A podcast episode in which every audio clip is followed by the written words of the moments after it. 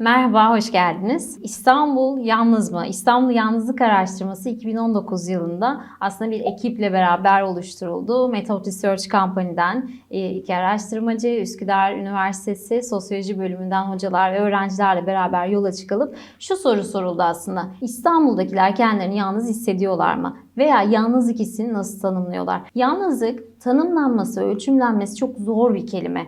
Literatüre baktığınız zaman dünyada da böyle aslında Türkiye'de de e, benzer kaynaklarda benzer e, yorumları görüyoruz. Çünkü bazısına göre yalnızlık aman tanrım uzak dursun benden Allah yalnızlıkla sınamasın diyeceğimiz kadar kötü bir kavramken bir başkası için yalnız kalmak, biraz kafa dinlemek, biraz da rahatlamak anlamına geliyor. Bu kadar zor ölçülebilen bir şey için Bizler gittik İstanbul'un 39 ilçesinde bir araştırma gerçekleştirdik. 39 ilçede yaklaşık 1900 küsur az 2000'e yakın insanla 30'a yakın soru sorduk onlara. Neydi bu sorular? Kendilerini ne kadar yalnız hissediyorlardı? Yalnızlığı nasıl tanımlıyorlardı? Yalnızken yaptıkları aktiviteler nelerdi ve sosyodemografik özellikleriyle biz acaba bu sonuçları nasıl kıyaslarız diye yola çıktık. Şimdi başlıklar, önemli başlıklar araştırmadan aslında paylaşacağımız. Bir kere İstanbul'da yalnızlık oranı maalesef çok yüksekti. %50'nin üzerinde. Aslında bu neredeyse yani kendimi çok sık yalnız hissederim veya kendimi ara sıra yalnız hissederim diyen kişilerin oranı neredeyse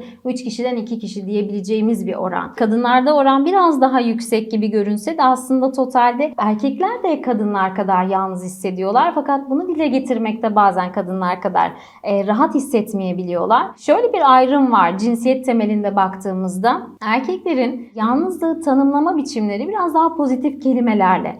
Hele de bu kişiler evliyse ve çocukluysalar e, tek başına kalmak, biraz kafa dinlemek, biraz rahatlamak, biraz da özellikle İstanbul gibi bir metropolün, bir keşmekeşin bir e, kozmozun içerisinde biraz sakinleşmek gibi algılıyorlar yalnızlığı.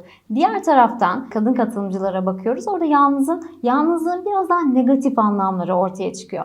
Peki şu soruyu sorduk. Dedi ki bize yalnızlığı üç kelimeyle anlatın. Yani büyük büyük tanımlar yapmalarına gerek yok. Çünkü aslında bütün bu gözlemlerimizden bizim takip ettiğimiz şu nedir sizce dediğiniz zaman bilen bir kişi bile biraz kasılabiliyor. O yüzden de çağrışım yoluyla hani yalnızlık deyince aklınıza gelen kelimeler nedir acaba dediğimiz zaman yaklaşık nedir? Karşı, karşımızda 6000 tane kelime oluştu. Bunları bir havuzda topladık ve sınıflandırdık. O halde neydi bu kelimeler bir bakalım. Şimdi bir yandan da bakıyorum araştırma. Çok geniş bir araştırma. Detayları paylaşacağız. Zaten aşağıda e, çalışmanın kendisine çalışmadan doğan farklı e, makalelere ve kitap bölümlerine ulaşabilirsiniz. Çünkü akademik doygunluğu olan bir sonuca ulaşmak istedik. Ama bir yanda da e, aslında medyada ve kamuda da bir şekilde, e, kamuoyunda da çok dikkat çekti. Çünkü aslında hepimiz zaman zaman yalnızlığı sorguluyoruz ve daha fazla anlamak istiyoruz. Kelimeler İstanbul özelinde düşünürsek yalnız mısınız veya yalnızlık sizin için neler çağrıştırıyor dediğimiz zaman öne çıkan 5 tane kelime var. 1. Kimsesizlik 2. Depresyon 3. Mutsuzluk 4. Huzur 5. Karamsarlık. Yani bu ne demek oluyor? Aslında %20'si sadece sonuçların huzur gibi biraz daha pozitif anlam barındıran bir e, kelimeyle açıklanmış. Bunun dışında insanlar yani büyük havuzu gördüğümüz zaman önümüzdeki o kelime dağarcığını gördüğümüzde ölüm, e, kimsesizlik, işte nefret, yalnız kalmak gibi aslında biraz daha olayın negatif tarafından bakmışlar. Hatta biz kıyaslamak için çalışmayı 2018'de İngiltere'de BBC tarafından yapılan bir benzer bir çalışma var. Orada Oradaki yalnızlık tanımları bizdekinden biraz daha farklıydı. Konuşacak kimsem yok demişler. Dünyadan kopmuşluk hissi olarak algılamışlar. Dışlanmış hissettiklerini söylemişler. Üzüntü ile tanımlamışlar. Veya İngilizler demiş ki e, yalnızlık demek anlaşılamamak demektir. Yani aslında kültürel anlamda yalnızlığı farklı algılıyoruz. Örneğin Norveç'ten Svendsen vardır, Profesör Svendsen. Kendisiyle yaptığımız bir görüşmede şunu sormuştuk. Yani yalnızlık sizin gibi aslında popülasyonu biraz daha düşük ama yüz ölçümü daha büyük, e, sosyoekonomik açıdan daha avantajlı bir ülkede nasıl tınlıyor? Akdeniz ülkesine göre örneğin. Çünkü Akdeniz ülkelerinde İtalya gibi, İspanya gibi, Türkiye gibi ülkelerde yapılan yalnızlık araştırmaları aslında bize şunu söylüyordu. Biz çevremizde insan olsa bile bazen kendimizi yalnız hissedebiliyoruz. Ama onlar için öyle değildi durum. Onlar eğer çevrelerinde 3, 4, 5 tane dostları, arkadaşları, aileleri varsa kendilerini yalnız olarak tanımlamıyorlardı. Buradan yani BBC'nin sonuçları ile İstanbul Yalnızlık Haritası'nın araştırma sonuçları kıyaslandığında aslında İstanbulluların e, kimsesiz kalmakla ilgili bir derdi yoktu. Konusu, komşusu, akrabası, evden çıktığı andan itibaren bir metropolde yaşamanın getirmiş olduğu kalabalık içindeydi. Bizim derdimiz yani araştırmanın bize söylediği şey şuydu. Bizler kalabalıklar içinde yalnızız. Kalabalıkların bizi anlamadığını, kalabalıklar içinde kendimizi bazen yabancılaşmış, bazen de aslında dayanma gücünün artık olmadığı noktada hissediyoruz. Bu çalışmanın önemli bir noktasıydı. Peki bir de gruplandırdık biz. Ondan da bahsetmek istedim. Yani sorumuz şuydu.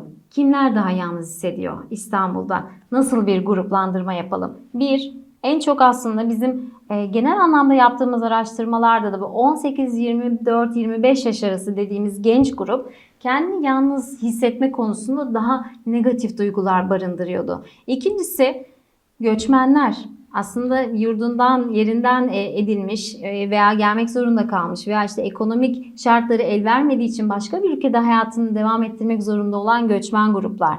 E, Dul boşanmışlar, bekar yaşayanlar, evde tek kalanlar ve yurt odasında arkadaşlarıyla aynı odayı paylaşmış olmalarına rağmen aslında kendi alanım yok, yalnızım ama tek başıma değilim. Bu da bir handikap, bu da bir problem oluşturabiliyor.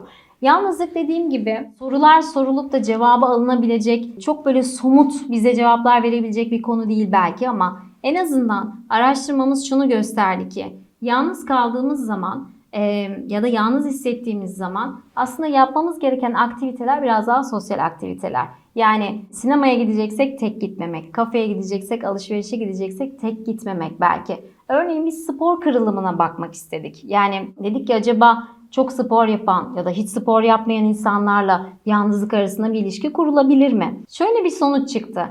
Eğer ben zaman zaman spor yaparım ve takım sporlarını severim. Mesela ayda bir halı sahada maç yaparım arkadaşlarımla diyorsanız bu kişilerin yalnızlığa bakış açısı o kadar da olumsuz değildi. Ama ben çok düzenli olarak gym'e giderim, tek başıma sporumu yaparım gelirim diyorsanız veya bunu kendinizi sürekli mutlu hissetmek ve sürekli o serotonini salgılamak adına bir bağımlılığa dönüştürdüyseniz burada da yalnızlıkla ilgili bir SOS, bir e, aslında yardım çığlığı var. Sonuçları paylaşmaya devam edeceğiz. Yalnızlık konusu dünyadaki farklı literatürde yapılmış araştırmalarla sürekli güncellenmesi bir gereken bir konu olduğunu düşünüyorum. Bir kere zaten pandemi gibi bir gerçek varken hayatımızda aslında yalnızlığın öncesini, sonrasını ve özellikle post pandemi döneminde yalnızlık ve sağlık arasında, yalnızlık ve mutlu mutsuz hissetme arasında da acaba bir ilişki var mıdırı bizim rakamlar üzerinden okuyup veriyi analiz etmemiz e, en sağlıklısı olacaktır.